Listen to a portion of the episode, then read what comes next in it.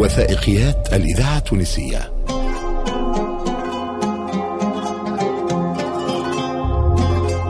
مسجد السيدة. يا مكان.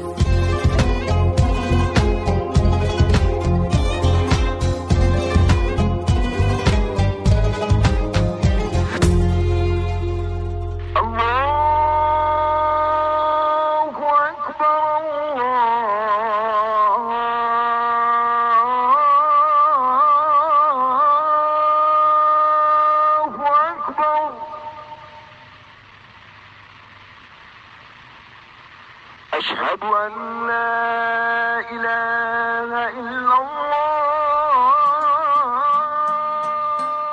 إنه الأذان الفاطمي الإسماعيلي رفع في مساجد السيدة أحد معالم الدولة الفاطمية شرقي مدينة المنستير. ممتد على مساحة مستطيلة الشكل بين الشرق والغرب. والسيدة هي بنت المنصور بن يوسف الصنهاجي وعمة المعز لدين الله الفاطمي المكنات بأم ملال. تولت الحكم بالوصاية على ابن أخيها المعز الذي خلف والده بعد موته وهو في سن التاسعة. وتكمن أهمية المعلم على مستويين بحسب الباحث فتح البحري هذا المعلم أهميته في مستويين. من ناحية الساعة الهندسية ومن ناحية المعمارية. هام علاش؟ لأنه يجسد طريقة البناء وتزويق لنأرخوا به الفترة الزيرية. هذا هام لأنه إلى حد اليوم يعتبر أهم معلم يؤرخ على طريقة المعمار وطريقة البناء للفترة الزيرية هذا أولا. اثنين آه، نسبته إلى امرأة وهي ليست امرأة عادية لأنه المواطنين لازم يعرفوا اللي السيدة أم ملال هي عمة المعز بن باديس ومعز بن باديس لما وصل إلى الحكم في بداية القرن الخامس سنة 405 هجري كان عمره ست سنوات لأن والده توفي فجأة. وتركه وهو عمره خمس سنوات والتي حكمت البلاد هي عمتي. عمته أم ملال كانت تحكم البلاد. حتى لين بلغ المعز سن الرشد. يعني ماشي لم تكن امرأة عادية. وعنا في المصادر يحكيون اللي هي كانت تعين القضاة تعين الحكام الجهات وكانت هي التي تسير فعليا كامل إفريقيا في الفترة الزيرية. مسجد السيدة هو القسم الوحيد الذي لا يزال قائما بشكله الأصلي من كامل الرباط ويحتل الضلع القبلي له. وجهته الجوفية مدخل يفضي إلى قاعة ذات بلاطتين. أما محرابه فهو وثيقة معمارية وتاريخية. المسجد هو آه، يحتوي على ثلاثة بلاطات وشكله شكل مميز للمساجد لأنه نلقاو الأشكال هذه تنتشر وعندنا في المونستير العديد من المساجد اللي بنفس الطريقة لكن هو مبني بالحجارة الكبيرة وعنده الأسقف متاعه الأقبية المتقاطعة والشكل هذايا من المعماري انتشر أكثر في العهد الفاطمي. طريقة البناء بالأقبية المتقاطعة تعطي صلابة للبناية أحسن من الأقبية الطولية. يعني ظهور شكل من المعمار هذايا لم يكن مرتبط بمسألة عقائدية لأنه فما أشياء البعض يتخيل أنه لم يكن تأثير للوجود الفاطمي. لا نقول لك أنا في تونس في تاريخ تونس وفي المعمار لا نقول لك أنا على مستوى الهندسي والمعماري كان التأثير واضحا انطلاقا من الفترة الفاطمية والزيرية يختفي ما عادش فيها بلاطة وسطى أكبر من بقية البلاطات. تصبح كل البلاطات متوازية لأنه يستعمل الأقبية المتعامدة لأن الأقبية المتعامدة تتطلب وجود مربع في الأساس وهذا لا يمكن يكون مع الأقبية الطولية يكون كان كان مع الأقبية المتقاطعة. معنى هي ثورة هندسية حدثت لأنه لازمنا نعرفوا اللي راهو في العهد الفاطمي والزيري شهد تراكم على مستوى العلمي هام جدا في إفريقيا.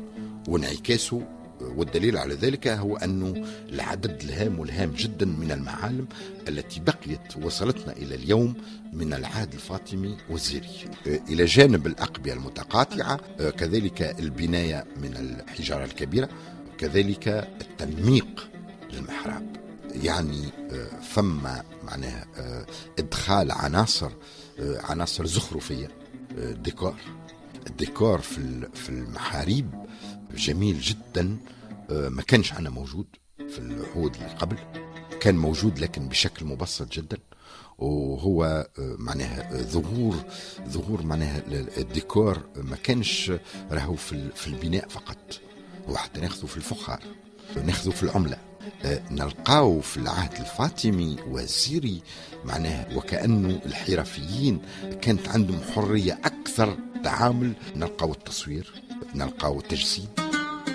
وتروي كتب التاريخ أن السيدة أم ملال وهي أول امرأة مسلمة حكمت إفريقية ولدت في القرن الرابع هجري بقصر المنصورية بصبرة على بعد ميل من القيروان ونشأت في كنف والدها المنصور ورعاية أخيها باديس تعلمت وتأدبت وعرفت بحكمتها. وقبل أن تفارق الحياة في رجب عام 414 هجري أوصت أن تدفن في المنستير في مقبرة صنهاجة ويقال إن في هذا المعلم ضريحها. عندنا شواهد تعود حتى إلى سنة 1922 اللي المسجد هذايا كانت فيه زاوية. والدليل على ذلك هو أنه إلى الآن فما خاصة النساء نساء المنستير اللي يجيو يزوروا الزاوية هذه المقام لأنه حتى الشكل الهندسي لم يكن على النوع هذا. إلى حد سنة 1928 كان شكلا آخر. وقع تغيير حتى شكله عمدا عمدا لأن أسس الشكل القديم ما زالت موجودة. وقعت عمدا آه، إتلاف المكان اللي كان فيه يبدو المكان اللي يمكن كان فيه مقام لأنه في العهد الفاطمي ظهرت المقامات والمقامات تقام لشخصيات آه، معناها فقهية لشخصيات آه، في الحديث لشخصيات كانت عندها دور. لكن في الفترة الفاطمية الميزة الجديدة اللي ظهرت هو أنه كل مقام يكون فيه محراب. وزيري وحذو كل قبر نجد محراب صغير. كانت الدراسات اللي تهم التاريخ والأثار الإسلامي يعتقدوا أن ظهور المقامات هي ظهرت في مصر مع الفاطميين لكن إحنا اليوم عندنا الحجج التاريخية اللي هي ظهرت في إفريقيا قبل انتقال الفاطميين إلى مصر. مسجد السيدة أم لال وثيقة تاريخية هامة ومعلم مرجع للفترة الفاطمية. ارتبط بامرأة لها مكانة وصورة خاصة في الذاكرة الشعبية لأهالي المنستير. وحضرت في فولكلورهم بحسب أستاذ الموسيقى والمختص في التراث حسين بالحاج يوسف. يغنيوا على السيدة أم ملال. هما يعتقدوا خاطر عندهم سيرين تاع أغاني تتبع السيدة المنوبية. هما مادام هكايا للسيدة هوني في المسير يقولوا وهي اسم الحقيقي السيدة لاسانت معناها الصالحة ولا الفاضلة ولا كذا. غنوا عليها بعض أبيات في ألحان شبيهة بالألحان الموجودة في السيدة المنوبية لأنهم عندهم مجموعة أغاني على السيدة المنوبية عايشة المنوبية اسمها. يغنوا فيهم زادوا فيها بعض أبيات من بنت أفكارهم اللي تغنوا باللولية والصالحين تاع مدينة المنستير. ولكن يغنوا فيها في مقام محير أعراق اللي هو لهجة تونسية بيك اللي فيها لا إله إلا الله والفرح والتانا طهر يا مطهر. اللي يغني هذه يقولوا له هذه تعليلة. هو في المسير يغنيوها في اللهجة هذه. مش كما يغنيوها في تونس وفي بنزرة المعروف. كيف في المقام الكبير. يغنيوها اللي هو المود مجر في مسير مثلا يقولوا نغارة يا سيدة يا نغارة يا سيدة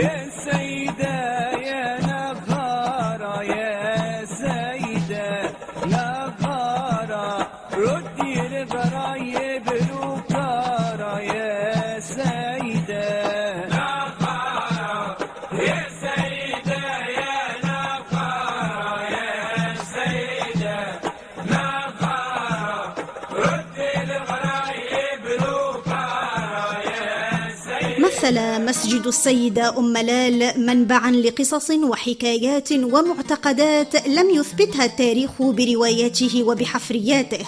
لكن ترددتها الأجيال وتناقلتها. ويقولوا فيها باب من أبواب الجنة وما ربط بالمرسي ثلاثة أيام كتبت له الجنة. هي هما كانوا يهزوا المهدي قبل ولكن في الوصية نتاعها دفنوني في محطوط حتى في المصار شهدوا لها كتب معناها مكتوبين بالذهب هي لما ملال وجابوه مدفونين عندها في يقولوا في القبرية نتاعها درا قداش من من ألف جمل معبيين بالحرير ومعبيين بالبشت. مسجد السيدة أم لال معلم صامد في الضلع القبلي لولاية المنستير. صغير بمساحته كبير في ثرائه المعماري والتاريخي وفي كشفه عن دور المرأة في الدولة الفاطمية. وعن امرأة هي الأولى التي حكمت إفريقية إنها أم ملال